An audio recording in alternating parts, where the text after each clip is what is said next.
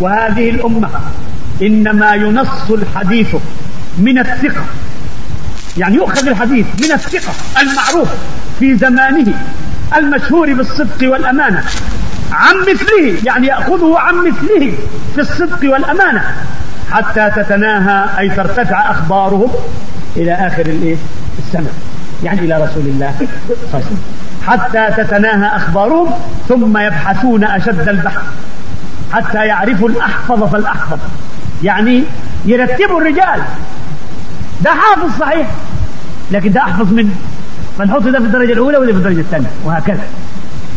ثم يبحثون أشد البحث حتى يعرفوا الأحفظ فالأحفظ والأضبط فالأضبط والأطول مجالسة لمن فوقه ممن كان أقل مجالسة. ثم يكتبون الحديث. يعني واحد بيلازم الشيخ والثاني أقل ملازمة من الشيخ وكل منهما روى عن شيخ وحديث. لا أخذ من الأطول مجالسة أخذ من الأطول مجالسة من الذي يطيل الجلوس مع الشيخ أكثر من الثاني. لأن ده يبقى أفضل آه أطول. ثم يبحثون أشد البحث حتى يعرفوا الأحفظ فالأحفظ. والأضبط فالأضبط. والأطول مجالسة لمن فوقه ممن كان أقل مجالسة. ثم يكتبون الحديث من عشرين وجها. وأكثر حتى يهذبوه من الغلط والزلل ويضبطوا حروفه ويعدوا ويعدوه عبدا. فهذا من أعظم نعم الله تعالى. على هذه الأمة نستودع الله شكر هذه النعمة ونسأله التثبت والتوفيق لما يقرب إليه ويزلف لديه ويمسكنا بطاعته إنه ولي حميد. ده كلام هذا الرجل العظيم محمد ابن ضر فليس أحد ده من كلامه برضه لسه. فليس أحد من أهل الحديث من كلام محمد بن ابن, ابن حاتم. لسه. فليس أحد من أهل الحديث يحابي في الحديث أباه ولا أخاه ولا ولده. وهذا علي بن عبد الله المديني. علي المديني ده أستاذ البخاري شيخ البخاري. وكان البخاري يقول ما استصغرت نفسي أمام أحد إلا أمام علي بن المديني يعني البخاري الضخم ده الفظيع ده في الحديث كان لما يقعد أمام شيخ ابن المديني يستصغر نفسه. قال ما استصغرت نفسي أمام أحد إلا أمام علي بن المديني هذا علي بن المديني كان أبوه محدث. كان أبوه عبد الله المديني محدث. فشوف علي بن المديني بقى من كبار نقاد الحديث. لما يروي عن أبوه حديث يقول حدثني أبي وكان ضعيفا. شوف حدثني أبي وكان ضعيفا. هل حاب أباه؟ أبدا. ما حاول أبدا أن يقوي أبوه. ولم يذكره حتى بل يصرح بحاله يعرف الناس بحال أبوه. يقول حدثني أبي وكان ضعيفا. فليس أحد من أهل الحديث يحابي في الحديث أباه ولا أخاه ولا ولده. وهذا علي بن ابن عبد الله المديني وهو إمام الحديث في عصره. لا يروى عنه حرف واحد في تقوية أبيه عبد الله. بل كان إذا روى عنه قال حدثني أبي وكان ضعيفا. قال عبد الله بن المبارك الإسناد من الدين. ولولا الإسناد لقال من شاء ما شاء. ومثل الذي يطلب أمر دينه بلا إسناد كمثل الذي يريد أن يرتقي السطح بلا سلم. الإسناد هو السلم الإسناد هو السلم ها نعم هو السلم. هل تستطيع ترقى السطح بلا سلم؟ كذلك الحديث بلا إسناد ملوش قيمة. ومثل الذي يطلب أمر دينه بلا إسناد كمثل الذي يريد أن يرتقي السطح بلا سلم. وقال سفيان الثوري رحمه الله الإسناد سلاح المؤمن. الإسناد سلاح المؤمن. عشان لما يجي المبتدع. الضال يقول لك إيه الحديث ده؟ أنت جابه منين ده؟ حديث إيه ده؟ قول له حديث ده؟ تعالى يا أخويا أما أقول لك الحديث. عن فلان عن فلان عن فلان عن فلان. قول لي بقى هات لي واحد في دول وحش. يبقى حجتك في الإسناد. سلاحك في الإسناد. الإسناد سلاح المؤمن. فإذا لم يكن معه سلاح فبأي شيء يقاتل؟ تقاتل عدوك إذا ما كانش عندك اسناد آه كده. قال يزيد بن زريع رحمه الله لكل دين فرسان وفرسان هذا الدين أصحاب الأسانيد. شوف جعلهم فرسان. فرسان كفرسان الجهاد تمام. والله أكثر من جهاد. هؤلاء جاهدوا في الحديث أكثر من جهاد الناس في ميدان القتال والله. بس إحنا مش شايفين. مش شايفين اللي بذلوه. عصارة حياتهم. وشبابهم كله أفنوه أفنوها. في البحث عن الحديث وطلب الحديث وتمييز الحديث. قال يزيد بن زريع رحمه الله لكل دين فرسان وفرسان هذا الدين أصحاب الأسن. وبالجملة فأصحاب الحديث هم ورثة علم رسول الله صلى الله عليه وسلم. وهم أمناء الله على دين. وحفاظ سنة نبيه ما عملوا وعلموا. يعني بشرط. بشرط أن يعلم يعمل ويعلم. آه. بشرط أن يعملوا ويعلموا. يقول أحمد رحمه الله ليس قوم عندي خيرا من أهل الحديث. ليس يعرفون إلا الحديث. يعني يقول لك قال فلان ورأى فلان. أبدا. بل يقول لك قال رسول الله قال رسول الله بقول لك قال فلان أبدا. ليس يعرفون إلا الحديث. يعني كلامهم كله بالحديث. قال رسول الله قال رسول الله. هتقول له إيه بقى ده وحجتك عليه. إيه ويقول أحمد إن لم يكن أصحاب الحديث هم الناس فلا أدري من الناس. آه يعني كل الناس بهايم إلا أصحاب الحديث. هذه معناها بصريح العبارة كده. كل الناس بهايم إلا أصحاب الحديث. إن لم يكن أصحاب الحديث هم الناس فلا أدري من الناس والحق دائما لا يكون إلا في جانب أصحاب الحديث. الحق لا يكون دائما إلا في جانب أصحاب الحديث. يقول خليفة العباس هارون الرشيد طلبت أربعة فوجدتها في أربعة. طلبت أربعة فوجدتها في أربعة. طلبت الكفر فوجدته في الجهمية. يعني بحثت عنه وجدته في الجهمية المعطلة اللي هم بيعطلوا صفات الله وأسماء الله. وطلبت الكلام والشغب فوجدته في المعتزلة. لأن أهل كلام وأهل شغب وأهل بنظرة وجدل. وطلبت الكذب فوجدته عند الرافضة اللي هم غلاة الشيعة دول. وطلبت الحق فوجدته مع أصحاب الحديث. فبدنا وطلبت الحق فوجدته مع أصحاب الحديث. وقال أحمد بن سنان رحمه الله كان الوليد الكرابيسي خالي. أحمد بن سنان رجل من أهل الحديث الكبار. كان له خال اسمه الوليد الكرابيسي كان من أهل الكلام.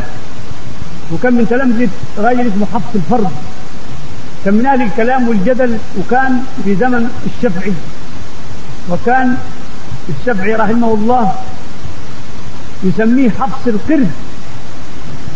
آه حفص القرد آه وكان الشافعي وجميع أئمة الإسلام يكرهون الكلام والجدل. وكان يقول حكمي في أهل الكلام أن أن يضربوا بالجريد والنعال. ويطاف بهم في العشائر. ويقال هذا جزاء من ترك الكتاب والسنة واشتغل بالكلام. كان الوليد الكرابيسي خالي فلما حضرته الوفاة قال لبنيه تعلمون أحدا أعلم بالكلام مني؟ قالوا لا. قال فتتهموني؟ قالوا لا. قال فإني أوصيكم أتقبلون؟ قالوا نعم. قال عليكم بما عليه أصحاب الحديث فإني رأيت الحق معهم. بعد ما عاش طول عمره آه في الكلام والجدل آه. أوصى بنيه هذه الوصية العظيمة. فإني رأيت الحق معهم. وأهل الحديث قد امتازوا على الناس بفضيلة الرحلة في طلب الحديث امتثالا لقوله تعالى فلولا نفر من كل فرقة منهم طائفة ليتفقهوا في الدين ولينذروا قومهم إذا رجعوا إليهم لعلهم يحذرون.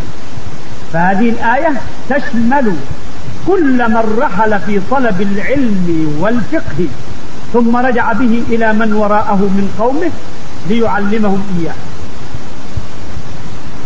وقد ورد أن الله يدفع البلاء عن هذه الأمة برحلة أهل الحديث. وكان سفيان الثوري رحمه الله يقول سماع الحديث عز لمن أراد به الدنيا ورشاد لمن أراد به الآخرة. إن كنت عاوز الدنيا أو الحديث يوصلك برضه.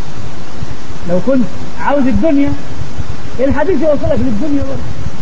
فهو لمن أراد به الدنيا. يعني من أراد به الفضل والجاه عند الملوك وعند الأمراء. حدث خلاص. يدخل على الأمراء والملوك بدون بدون استئذان كمان آه. وكان سفيان الثوري رحمه الله يقول سماع الحديث عز لمن أراد به الدنيا ورشاد لمن أراد به الآخرة. وبلغ من عنايتهم بالرحلة في طلب الحديث وأن ذلك من الأعمال التي كانوا يتنافسون عليها ويتسابقون فيها.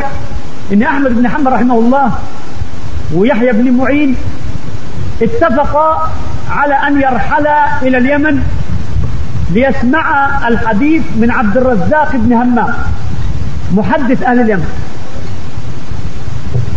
وبعدين عبد الرزاق جاء الموسم يحج فالتقى به يحيى بن معين. فقال له إحنا كنا اتفقنا أنا وأحمد بن حنبل أن نذهب إليك إلى اليمن لنسمع منك. وربنا أوجابك. وكفانا مؤنة السفر. إيه اللي حصل؟ والرجل استعد لكي يروي لهم الأحاديث في مكة قبل أن يسافر. إيه اللي حصل؟ اللي حصل إن أحمد بن حنبل لام أخاه يحيى بن معين. وقال له مين قال لك إنك تقول له يروي لنا الأحاديث هنا؟ وقد نوينا الرحلة في طلب الحديث. لن اسمع منه حديثا ها هنا. ولا بد أن يرجع ونرحل إليه لنطلب الحديث عنده يعني شوف ربنا يا ربنا يسر له سماع الحديث في مكة. والرجل جه لغايته. لكن أحمد بيتلذذ بالسفر والرحلة في طلب الحديث. ويروح هناك مسكين وغلبان وت... وتنفد نقوده. ما يلاقيش. ياكل. وبعدين يعرض عليه عبد الرزاق فلوس ما يرضاش. وإخوانه يعرضوا عليه ما يرضاش وبعدين يعمل لهم بالأجرة عشان يأخذ ياكل ويكتب للناس اللي عاوزة مثلا تنسخ حاجة ينسخ لهم بالأجرة عشان يعيش. أحمد أحمد العظيم ده.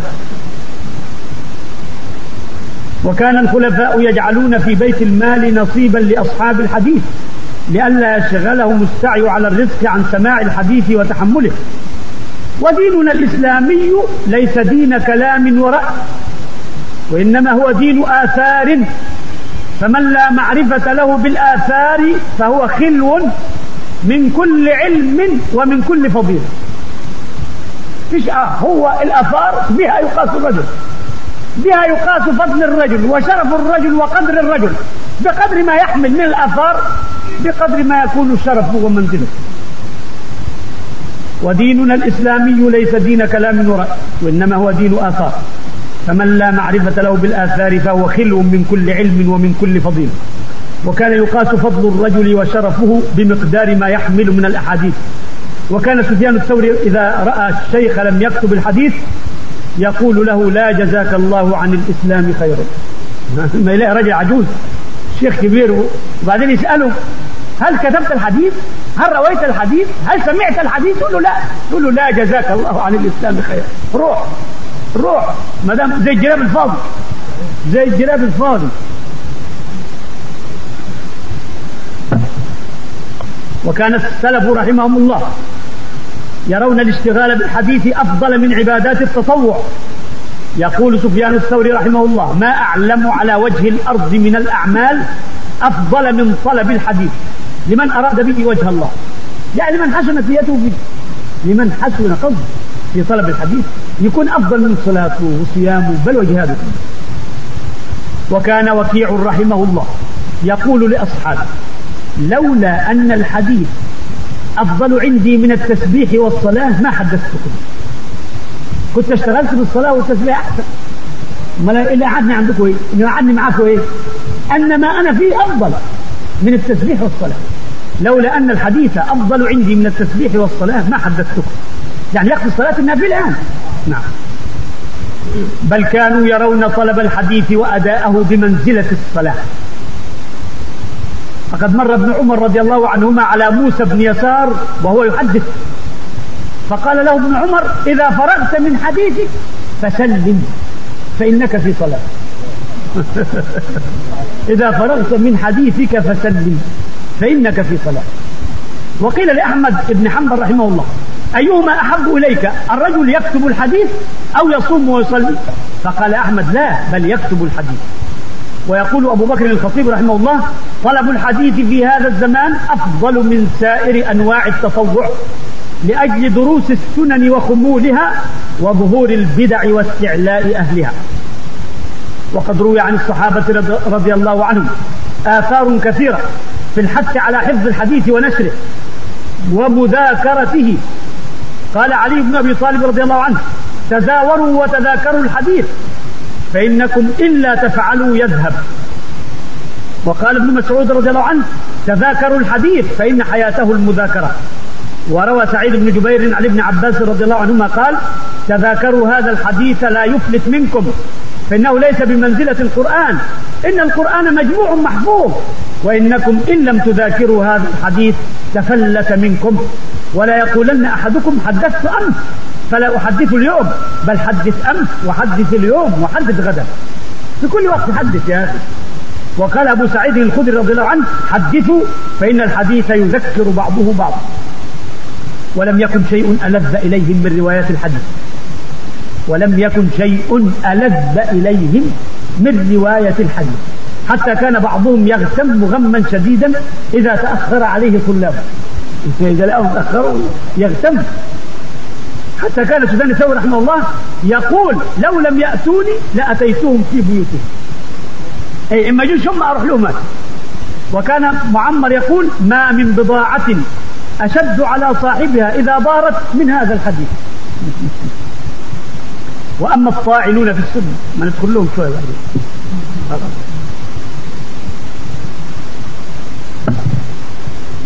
وأما الطاعنون في السنة الماكرون بها فإني أحب قبل الدخول معهم في مناقشة حول ما أثاروه من شبهات ومطاعن أن أوجه إليهم التساؤلات الآتية. أسئلة هو لهم بس يجاوبون عليها. يجاوبون على هذه الأسئلة. أولا لمصلحة من؟ تقفون هذا الموقف من سنة نبيكم. لمصلحة مين عاوز أعرف المصلحة في الموقف ده لمين؟ هتعود على مين؟ طبعا لا هي عايدة على الإسلام ولا على أمة الإسلام وإنما المصلحة لأعداء الإسلام من المبشرين والصهاينة والمستشرقين. هؤلاء عملاء عند هؤلاء عملاء عندهم. لمصلحة من تقفون هذا الموقف من سنة نبيكم؟ هي الغيرة على الحديث كما تزعمون؟ فالغيرة لا توجب الإنكار والجحود ده أنت بتجحد الأحاديث فيما غير كذا ده أنت بتحطم لعلم ما فيه يبقى دي غيرة. هو الغيرة على الشيء انك تحطمه ولا انك تفنيه وتنقيه وتنظفه بس. فالغيرة لا توجب الإنكار والجحود ولكنها توجب تنقية الأحاديث مما دخلها من الزيت والتحريف وهذا ما قام به السلف رحمهم الله. فإنهم كما قلنا لم يتركوا حديثا منها إلا عرفوا طرقه كلها ورجال إسناده وحالهم من حيث العدالة أو الجرح ووضعوه بعد ذلك يعني وضعوا الحديث بعد ذلك في موضعه اللائق من صحة أو حسن أو ضعف. أم هي الغيرة على القرآن بسبب مزاحمة الحديث له لأنهم بيقولوا آه. سيب الحديث دي تطغى على القرآن. وهي مخالفة ومعارضة للقرآن. فهذه غيرة لا معنى لها. لأن القرآن عند المسلمين جميعا في المكان الذي لا يزاحم ولا ينافس. حد سأل أبدا إن السنة منافسة ومزاحمة للقرآن. لأن مش حد من المسلمين بيجعل السنة بمنزلة القرآن. لأن القرآن عند المسلمين جميعا في المكان الذي لا يزاحم ولا ينافس. والحديث إنما يطلب من أجل معرفة معاني القرآن وبيان أحكام أحكام القرآن. فكيف ينافس الحديث القرآن؟ أم هي الرغبة في إصلاح الدين؟ يمكن يقولوا لا أنا عاوزين نصلح الدين. عاوزين نزيل هذا الفساد عن الدين ونصلح الدين. فهل يعتقد هؤلاء أنهم أحسن دينا وأقوم دينا من الصحابة والتابعين. ومن بعدهم من أئمة الهدى والصلاح الذين ذخرت بهم وبأعمالهم الكتب والتراجم. والذي بنوا لنا هذا الصرح المشيد من العلم والمعرفة. يعني عايزين يصلحوا الدين ده. يبقى الدين كان فاسد في أيام بكر وعمر وأيام الصحابة والتابعين والأئمة الكبار. كان الدين فاسد. وهم دول جايين يصلحوه دلوقتي. ما هو معناها كده. ومعناها كده. يعني عاوزين نصلح الدين. إيه يعني؟ الله يرحمك يا أبو بكر كان الدين كنت فين والدين؟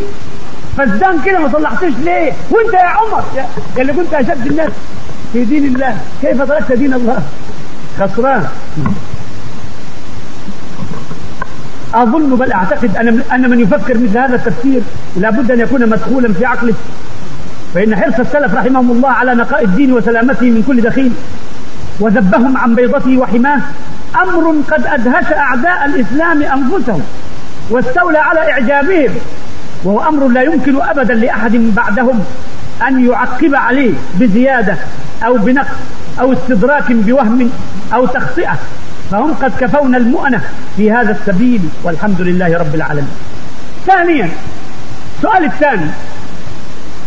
لماذا تختارون بالذات كبار المحدثين هدفا لحمل لحملاتكم المسعورة وموضعا لطعناتكم ومصائلكم فواحد زمان يكتب عن أبي هريرة اللي هو صاحب ظلمات حول السنة أو أبو هريرة ده اللي اسمه هريره فواحد يكتب عن أبي هريرة ليه؟ لأنه يعلم شهرته في رواية الحديث. وآخر يختص البخاري بنقده وتهجمه. لأنه يعلم أنه أمير المؤمنين في الحديث.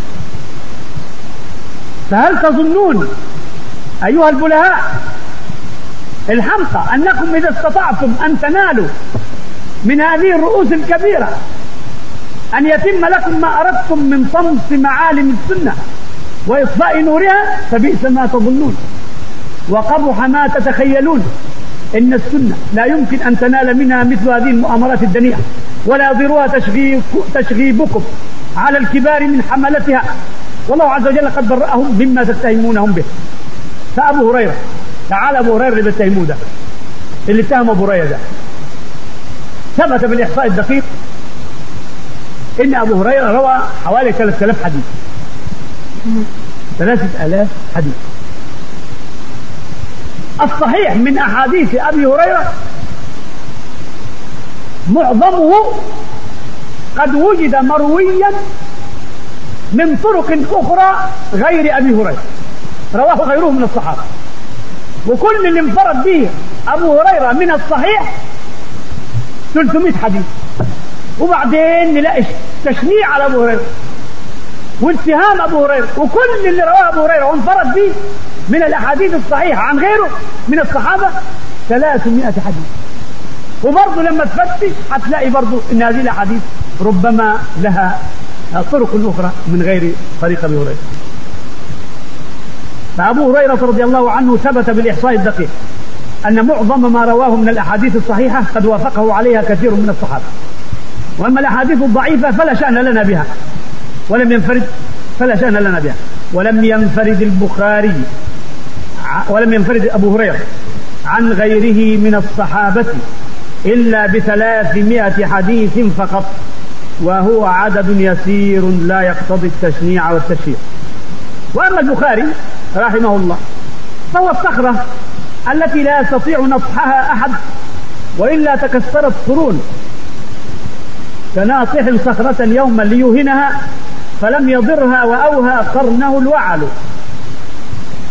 فقد عقد له لواء الإمارة على الحديث وأهله بجدارة واستحقاق بعد امتحانات قاسية واختبارات عنيفة. مش يعني هو خد إمارة الحديث يعني إيه؟ يعني كده؟ إيه؟ آه لا. ما خدهاش بالتهويش ولا البقر. خدها بالعلم الصحيح والتمحيص الدقيق. البخاري ارتحل إلى بغداد ليسمع من شيوخه. كان اسم البخاري دوى في آفاق الأرض. وكل الناس عرفوا إن في شيء اسمه البخاري. وبعدين أهل بغداد كلهم يخرجون للقاء البخاري. ويمشي البخاري في موكب أعز وأرفع من موكب الملوك والقواد الفاتحين حتى يدخل المسجد. وبعدين علماء بغداد عاوزين يمتحنوا البخاري. وعاوزين يزل البخاري أو يسقط علشان يزول هذا الهيلمان اللي يحب البخاري راحوا اختاروا عشرة أحاديث. وكل واحد منهم هم كانوا عشرة. كل واحد منهم خد حديث وقلب إسناد. قلب الإسناد بتاعه. غير الإسناد بتاعه. وقعد البخاري. فالأولاني قال له ما رأيك في الحديث الذي رواه فلان عن فلان عن فلان وذكر متن الحديث؟ فقال لا أعرفه. والثاني ما رأيك في الحديث اللي رواه فلان عن فلان عن فلان؟ قال لا أعرفه. لغاية ما خلصوا العشرة وبعد ما انتهوا بص الأولاني. قالوا الحديث اللي انت ذكرته صحته عن فلان عن فلان عن فلان عن فلان. وبص للثاني الحديث اللي انت ذكرته صحته عن فلان عن فلان عن فلان. لغاية ما خلص العصر. فقاموا يقبلون يديه ورجليه. ويعرفون له فضله وشهرته. في حديث رسول الله صلى الله عليه وسلم. البخاري اللي جاي هلفوت في آخر الزمان ان يناقش البخاري ويستدرك على البخاري. أهل الله ومن العجيب أن هؤلاء الطاعنين يظهرون بمظهر المجل للسنه المشفق عليهم من أن تنالها يد التحريف والتبديل ويظهرون بمظهر المشفق على القرآن أن تطغى عليه السنة المبدلة. التي تعارض في زعمهم مفهومه ومعناه. كل ذلك ليخدعوا أصحاب العقول الضعيفة عن هدفهم الأصيل وهو القضاء على السنة فيسهل عليهم بعد ذلك القضاء على الإسلام كله. لهذا في الإسلام مثل هذا في السنة. السنة هذا أول. حتى إذا قضي على السنة فضل الإسلام يبقى. هو اليهود لما أرادوا القضاء على المسيحية عملوا إيه؟ اليهود لما أرادوا القضاء على المسيحية عملوا إيه؟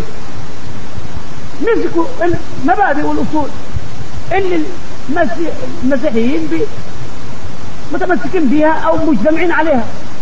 وأخذوا يشككوا يشككونهم فيها. واحدة بعد واحدة لغاية ما سقطت المبادئ. وأصبح المسيحيون بلا بلا مسيحي. أصبح المسيحيون بلا مسيحي. فهذا هدف اليهود الآن. أن يسقطوا. عنا. المبادئ والأصول التي نرجع لها في ديننا. القرآن ما قدروش عليه. فلو إنهم استطاعوا إنهم يصرفونا عن السنة ويخدعونا عنها ونكفر بالسنة هيجي يوم برضه نكفر بالقرآن. لأن هيجي هيجي يوم نقرأ القرآن نقول الله. طب والكلام ده معناه إيه؟ لأني أنا برجع للسنة في فهم معاني لم يكن هناك سنة منين هعرف معاني القرآن؟ فدي خطوات خطوات يسير فيها أعداء الإسلام. خطوة بعد خطوة علشان ينزعونا من الإسلام أو ينزعوا الإسلام عنه. هذا الهدف كله الهدف مش السنة بس الهدف الإسلام الهدف الكيد للإسلام. ومن الغريب أن هؤلاء الذين يتعرضون لسادة الأمة بالطعن والتجريح لا يعرفون في اللغة العربية أبسط المبادئ. فربما نصبوا الفاعل ورفعوا المفعول أو رفعوا المنصوب ونصبوا المرفوع انظر إلى أحدهم يقول في أول صفحة من كتابه حتى يعلمون ما فيه من دين وتدين. يعلمون حتى يعلمون. ثم الحتى دي بتعمل إيه؟ ده حتى تقدر تاكل مناخيرك. ثم تاكلش النون ده تاكل مناخيرك. يا جاهل. ثم تقدرش تاكل نون.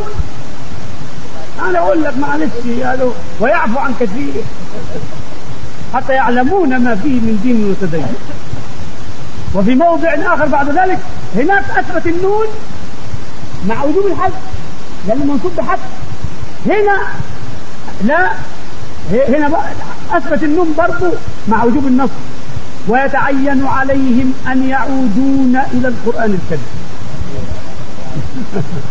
ويتعين عليهم أن يعودون إلى القرآن الكريم. آلية متواترة ومؤيدة بنصوص القرآن ومعانيه.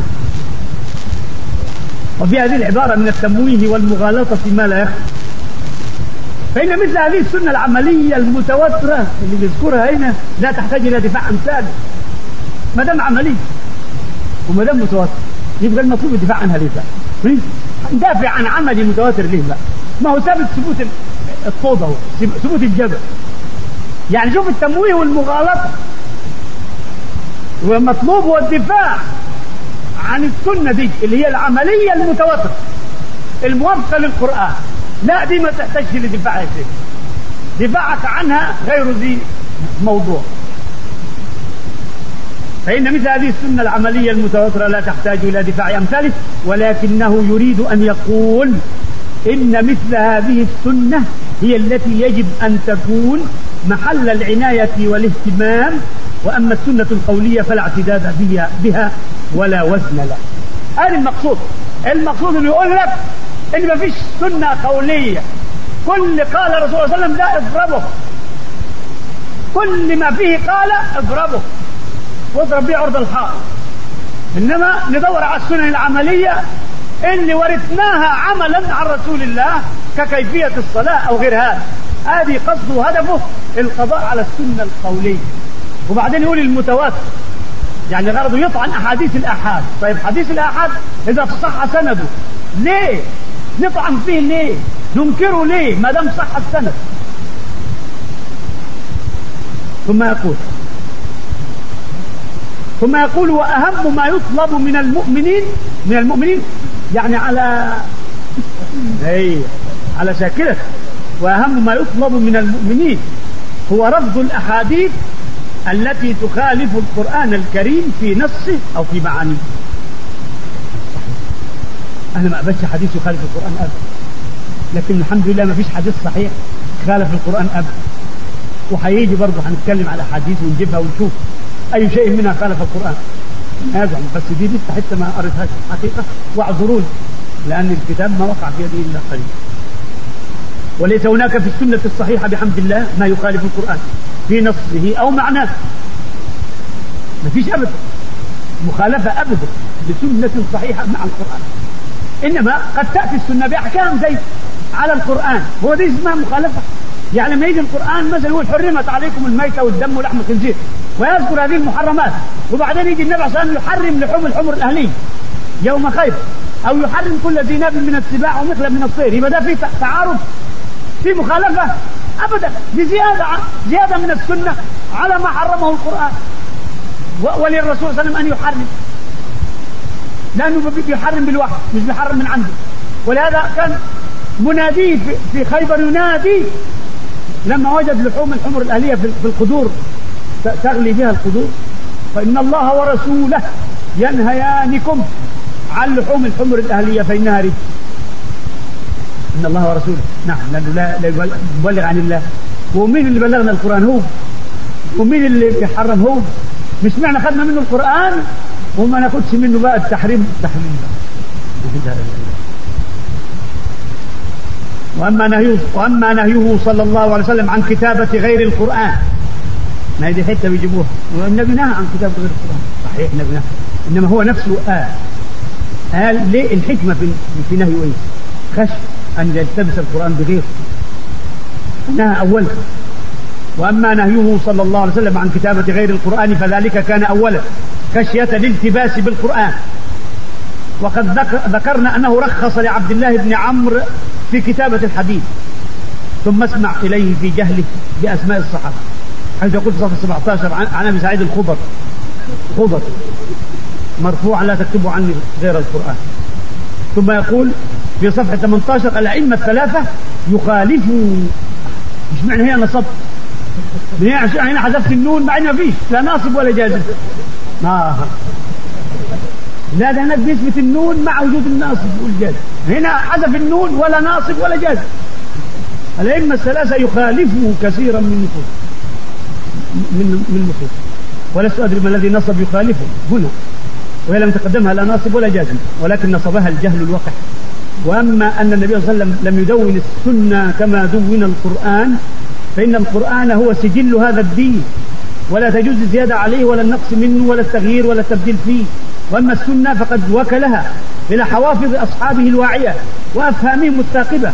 ولكي لا تلتبس بالقرآن كما جاء في الحديث. فلما أمن اللبس ورأى بعض الخلفاء الراشدين أن الخير في التدوين في تدوين السنة أمروا أمر بتدوينها.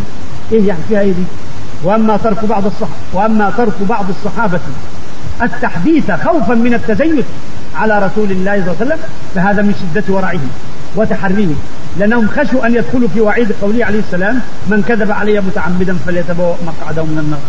وأما ابن عباس بيقول ابن عباس لما نيجي نقيس ما روي عنه نلاقي حاجة كثيرة قوي. الموجود في الكتب عن ابن عباس كثير قوي. مع إن ابن عباس ده مات إنما سلام هو لسه صغير.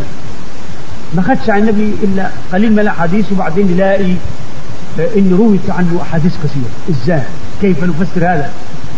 بما حفظه ابن عباس بالفعل وبين ما روي عنه. هقول للجاهل زي ما قلت لكم ان ابن عباس بعد وفاة رسول الله حاول أن يجمع علم الصحابة إلى علمه فكان يذهب إليهم في دورهم ويجلس على باب دورهم علشان يأخذ ما عندهم من علم لأنه يعرف أنه سيحتاج اليه بعد ذلك. هذه السبب في كثرة رواية ابن عباس أنه أخذ من الصحابة رضي الله عنهم. فبعضه اخذه من رسول الله وبعضه اخذه من الصحابة.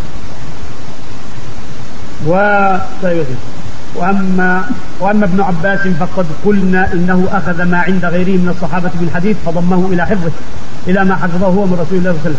ثم يقول إن الفتنة بين علي ومعاوية كانت هي الفرصة لدس الأحاديث.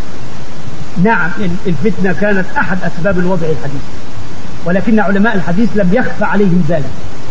ولهذا لم يروا شيئا عن المبتدعة. الدعاة إلى بدعتهم خشية أن يكونوا قد وضعوا ذلك ترويجا لها. المحدثين ما روش عن مبتدع أبدا يكون داعية لبدعته أولا أحاديث علي نفسه. ما يأخذهاش من أتباع علي. ما يأخذهاش من أتباع علي. إنما يأخذونها من أتباع ابن مسعود. لأن أتباع علي شيعة. والشيعة كذابين. فأهل الحديث لا يأخذون أحاديث علي من شيعة علي وإنما يأخذونها من تلاميذ ابن مسعود. لأن شيعة علي يكذبون على علي لكن تلاميذ ابن مسعود لا يرون عن علي إلا إلا ما, سمعوه. ولكن علماء الحديث لم يخفى عليهم ذلك ولهذا لم يروا شيئا عن المبتدعة. الدعاة إلى بدعتهم خشية أن يكونوا قد وضعوا ذلك ترويجا لها بل السنة أيوه. بل السنة تأتي. ثم قال أيوه اختلاف الرأي في أيهما أفضل؟ الرواية بالنص معلش اسمحوا لي لأن هذا كله عملته في يوم واحد. فما, فما عرفت يعني يكون قد وقع في بعض الوهم. طيب في بس حتة محذوفة معلش يمكن نلاقيها دلوقتي.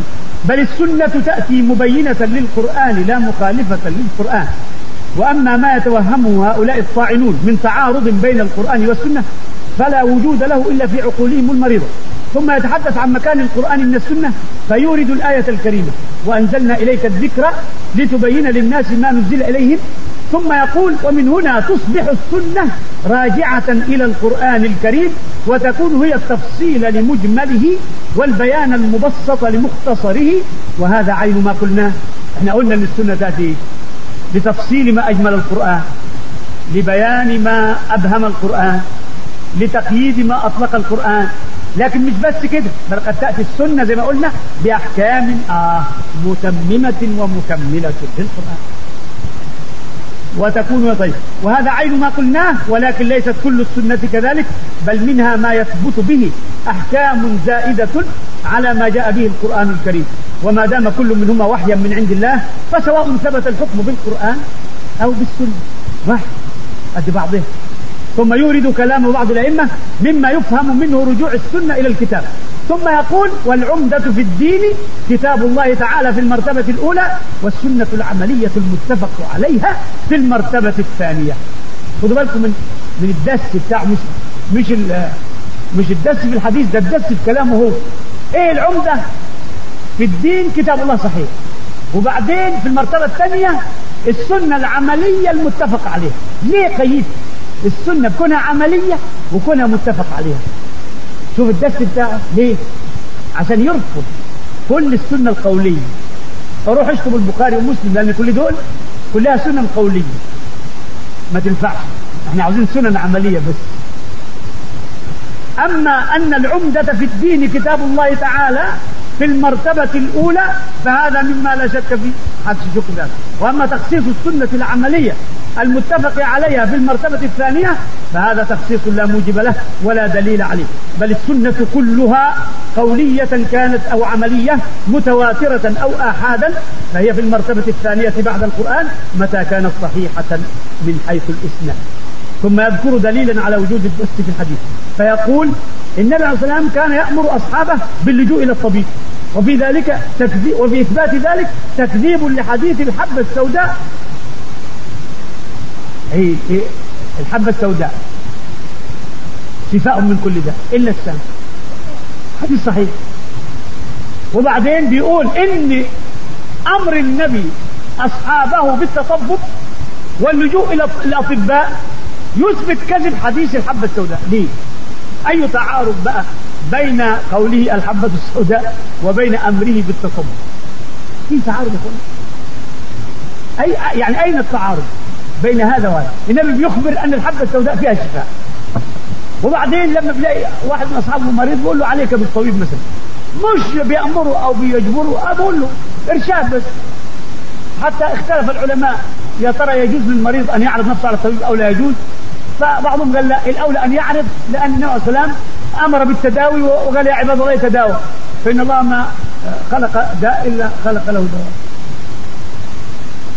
فأي تعارض ومنافاة بين إخباره عن الحبة السوداء بأنها شفاء وبين إباحته التصبب على أنه عليه السلام لا يعني أن الحبة السوداء شفاء من جميع الأدواء. يريدش بالحديث هذا أبدا. بل من الأدواء التي تصلح الحبة. السوداء أن تكون شفاء له كأمراض المعدة مثلا وأمراض الأمعاء. إنما لما ودنك توجعك يبقى الحبة السوداء حتشفي ودنك. إيه؟ لا ما يقصدش الرسول كده أبدا ما يقصدش الرسول إنما يقصد الرسول إن الحبة السوداء شفاء من أمراض المعدة مثلا أو أمراض الأمعاء. كأمراض المعدة فهو قوله تعالى مثلا تدمر كل شيء بأمر ربك. فهل الريح دمرت كل شيء برضه؟ لا تدمر كل شيء صالح للتدبير. ولذلك قال إيه؟ فأصبحوا لا يرى إلا مساكنهم. يبقى المساكن ما دمرتهاش إيه؟ مع قوله تدمر كل شيء. فكل فكل بحسب كل كل تستعمل في في كل شيء بحسبه يعني ما قال خالق كل شيء. خالق كل شيء هو شيء. الله شيء. فهل خلق نفسه؟ صفاته شيء. فهل خلق نفسه؟ لا خلق كل شيء. يصلح للخلق يصلح أن يخلق من الممكنات. إنما هو واجب الوجود. آه لا, لا يحتاج إلى, إلى خلق فاضل بس حاجة بسيطة. ثم قال شوف الجهل بقى. اختلاف الرأي في أيهما أفضل الرواية بالنص أم الرواية بالمعنى. شوف الدس بقى. عاوز يقول لك إن الأحاديث اهي كلها مرويه بالمعنى والنبي ما قالش الكلام علشان يشككنا فيها. وما دام النبي ما قالهاش يقل احترامها. يقل احترامها عندنا أنا أحترم كلام مش كلام رسول الله إزاي؟ أدي قصده أدي هدفه. أن يشككنا في السنة وينزل بالسنة عن قداستها في قلوب المؤمنين بها. اي أي ترجمه وهذا كلام يدل على جهل قائله فإنه لا خلاف بين العلماء. في أن الرواية بالنص متعينة ولا تجوز الرواية بالمعنى إلا بشروط ذكرها المحدثون في كتب الحديث مصطلح بل إن بعض الصحابة أنفسهم لما كانوا يرون الحديث يقول أو كما قال رسول الله أو كما قال. يخشى أن يكون قد غير لفظه. من ألفاظ الحديث فيجي في آخر الحديث يقول أو كما قال رسول الله صلى الله عليه وسلم. وأما اختلاف البخاري ومسلم في رواية حديث بني قريظة اللي هو لا يصلين أحد العصر إلا في بني قريظه فبقول إن البخاري روى العصر في كل رواياته العصر ومسلم روى الظهر في كل روايات زي بعض يا أخي والاختلاف هنا إيه يعني؟ طب ما نرجح وقد رجح العلماء رواية البخاري. فيها إيه يعني؟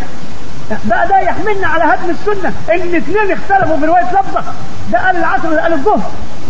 طب ما نشوف. لا لا. نشوف أي الروايتين ارجح وقد رجح الجمهور رواية البخاري اللي هو العصر. لا يصلي أحد العصر من رواية البخاري وهي أرجح من رواية مسلم. وقد وهم مسلم أو وهم الراو من, رو من روى عنه مسلم. افرض إن وهم وقع في إحدى الروايات. وهم وقع في بعض الروايات. يبقى ده يعني يقتضي إننا نهدم السنة كلها عشان وهم وقع من بعض الرواة. وأما اختلاف البخاري ومسلم في رواية بني قريظة فهو اختلاف لا يضر وقد رجح الجمهور رواية البخاري ورواية الظهر وهم من أحد الرواة. وأما قصة تعبير النخل فاختلاف الرواية فيها هو اختلاف تعبير هو اختلاف تعبير فقط. وأما المعنى فهو واحد في سائر الروايات. وأما اختلافات في روايات البخاري في الموضوع الواحد فهو راجع إلى تعدد الطرق. البخاري بيجي مثلا لحديث يرويه في عدة أبواب وفي كل باب يرويه بألفاظ تختلف. عن ألفاظ الحديث في الباب الآخر. ليه؟ قال لك ده بحسب اختلاف الطرق لأن البخاري في هذا الباب رواه عن فلان عن فلان عن فلان. وبعدين في الباب الثاني رواه من طريق ثانية عن فلان عن فلان عن فلان غير الطريق الأولى. فحصل اختلاف في الطرق. فاختلاف الألفاظ راجع لاختلاف الطرق لأن الطرق تعددت. يعني الرواة هنا غير الرواة هناك. هذه السبب في اختلاف الألفاظ في الحديث. أي نعم. طبعا الرواة ده دي طريق. روت الحديث بألفاظ. ورجع البخاري جاب الحديث من طريق ثانية بألفاظ أخرى. فاختلفت الألفاظ بسبب اختلاف الطرق التي روى منها البخاري الحديث. هذه السبب فيها. وهذا لا, لا شيء فيه المعنى واحد. المعنى واحد. وأما اختلاف روايات البخاري في الموضوع الواحد فهو راجع إلى تعدد الطرق. ففي كل طريق يروى بألفاظ غير ما يروى به في الطرق الأخرى ولكن الاختلاف بينها هين ويسير ولا ضرر فيه. وأما الخلاف بين أبي هريرة وعائشة رضي الله عنهما في بعض الأحاديث كحديث إن يكن شؤم ففي ثلاث في الدار والمرأة والفرس أم المؤمنين عائشة قالت لا الحديث النبي ما روحش كده قال كان أهل الجاهلية يقولون إن يكن شؤم ففي ثلاث. لا في الحقيقة أم أم المؤمنين غلطان. وأبو هريرة هو الصح. أبو هريرة لم يروي إلا ما سمع من رسول الله. وعائشة لم تسمع هذا الحديث. لكن عائشة استكثرت. استكثرت النبي يقول كده. فحطت للحديث لنا. قالت ك... إنما بيقول كان أهل الجاهلية يقولون. لا ما قالش إنما قال إن يكن شؤم ففي سنه والحديث صحيح. وأبو هريرة رواه كما سمعه من رسول الله صلى الله عليه وسلم. فإن الحق فيها مع أبي هريرة. فإنه روى ما سمعه من رسول الله صلى الله عليه وسلم. وقد خالفت عائشة عمر في حديث القليب برضه وهي ما سفتش ولا سمعت. عمر سمع النبي صلى الله عليه وسلم يقول لأهل القليب أو أصحاب القليب. يا فلان ويا فلان ويا فلان. إنا قد وجدنا ما وعدنا ربنا حقا. فهل وجدتم ما وعد ربكم حقا؟ فقال له عمر يا رسول أتخاطب قوما قد جاءوا قال ما أنتم بأسماع مني لما أقول ولكن لا يجيبون برضه عائشة شكت في الحديث وأنكرت الحديث مع أن عمر رضي الله عنه وهو من هو روى الحديث وسمع الحديث. يعني كون عائشة تنكر حديث مش معنى هذا الحديث غير صحيح ابدا لأن من حفظ حجة على من لم والمثبت مقدم على النافع عندهم القاعدة أن من حفظ حجة على من لم يحفظ وان الثابت مقدم على النافع وقد خالفت عائشة عمر في حديث القليل وكان الحق مع عمر رضي الله عنهما. ونكتفي بهذا القدر الليلة وإلى لقاء آخر إن شاء الله. صلى الله على سيدنا محمد.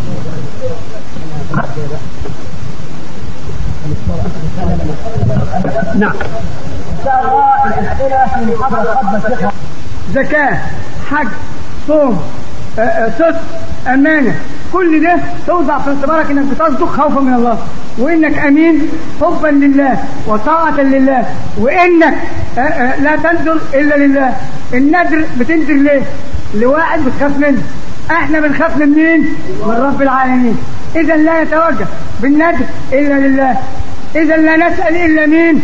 إلا الله ليه؟ لأن السؤال عباده النبي عليه الصلاة والسلام بيقول الدعاء هو العباده ده في البخاري في السنن بيقول الدعاء مخ العباد ليه؟ لأن الدعاء إظهار المذلة وإظهار الضراعة وإظهار الحاجة إلى الغني مين الغني اللي يديك؟ أمن يجيب المضطر إذا دعاه ويكشف السوء أإله مع الله قليلا ما تذكرون. أنتم مش دليلين ولا إيه؟ ربنا بيقول لكم مش دليلين ولا إيه؟ قليلا ما تذكرون. اذا الله هو الذي يجيب المضطر إذا دعاه ويكشف السوء. إذا وإذا سألك عبادي عني فإني قريب. أجيب دعوة الداعي. إمتى إذا دعاني شرطا فليستجيبوا لي وليؤمنوا بي لعلهم يرشدون.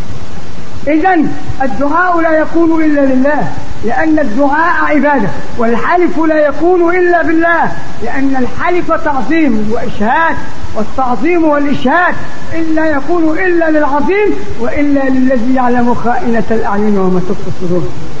لذلك يقول رسول الله من حلف بغير الله فقد أشرك.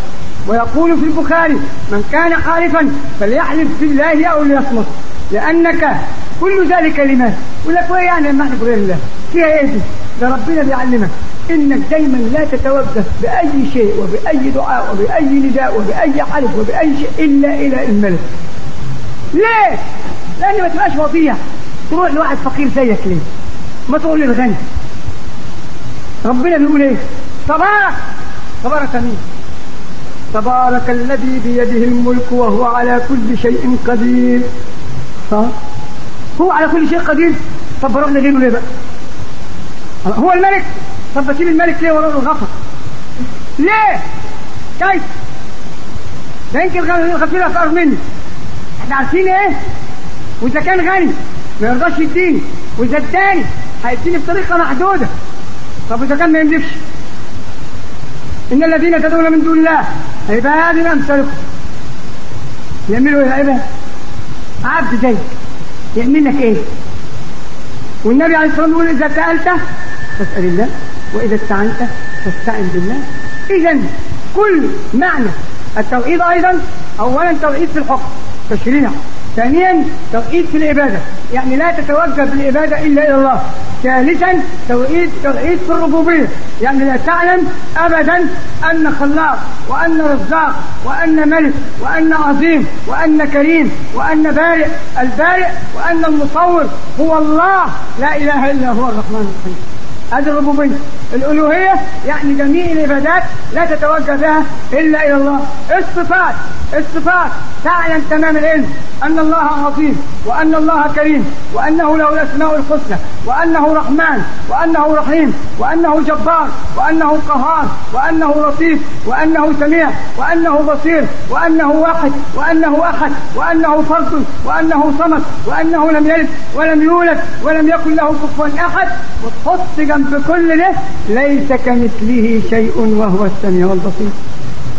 خلاص؟ توحيد الصفات خلصنا بعد كده إيه توحيد القيادة. مين اللي ياخدنا سيد البدوي سيدة زينب الحسين سيدك علي سيدك البهدي سيدك البستاني سيدك الطلياني. لا هي قيادة واحدة بقيادة خير سيد الأولين والآخرين محمد صلى الله عليه وعلى آله وصحبه أجمعين. أو سيدنا محمد. برضه سيدنا محمد. هو سيدنا وهو سيد آبائنا. بل هو سيد الأولين والآخرين. لأنه قال عن نفسه أنا سيد ولد آدم فخر هو سيدنا. نعم هو قدوتنا. نعم هو أسوتنا. نعم هو قيادتنا. نعم هو رائدنا. نعم هو الذي يهدينا للطريق الأمثل. هو الذي يهدينا للسبيل السوي. هو الذي يرينا الطريق المستقيم. لا نسمع لغيره ولا نعتبر بأمر غيره. إنما نعتبر بأمر الله وإنما نتأسى برسول الله صلى الله عليه وسلم. توحيد القيادة توحيد الراية الراية الراية لازم تكون واحدة. ما تكونش راية أحزاب. فلان وإلان وتفتان وإدان لا لا لا. الراية واحدة. هي راية القرآن الكريم يفسره رسول الله صلى الله عليه وسلم. توحيد الكتاب المصدر. زي ما قلنا مصدر التشريع. لا يمكن أن نصدق كلاما جاء في كتاب من الكتب أو على لسان إنسان كائنا من كان. عالما أو واعظا أو خطيبا أو رئيس جماعة مثلي أو أي إنسان لا تسمع له إلا إذا كان كلامه مؤيدا من كتاب الله ومن سنة رسول الله. ما كانش فيه دليل؟ يتسرق مهما كبر المثل مهما طولت سبحته مهما طولت لحيته مهما زادت ريالته مهما كان لابس الثياب المرقعة مهما كان شيخ مشايخ الايه العفاريت الزر مهما كان مركزه لا تسمعوا له ولا تسمعوا مني إلا إذا جئتكم بالحكم من كتاب الله ومن سنة رسول الله. أو ده الكلام أو ده التوحيد التوحيد تربي ابنك بكتاب الله تعلم ابنك من كتاب الله تأدب ابنك بكتاب الله. تعلم مراتك وتعامل مراتك وتعامل جيرانك وتعامل أعمال تعامل أحبابك وتعامل عملائك وتعامل عشيرتك وتعامل الأقربين وتعامل وطنك وتعامل الحاكم بتاعك كله بإيه؟ بكتاب الله وسنة رسول الله.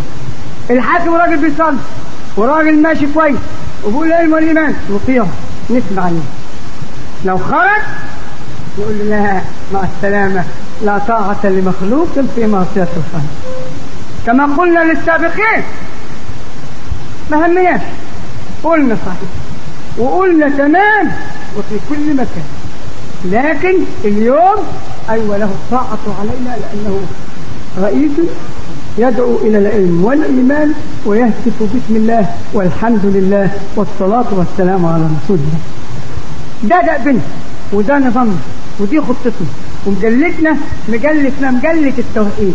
يعني نعلم الناس كيف لا يلجؤون إلا إلى الله. وكيف لا يستعينون إلا بالله؟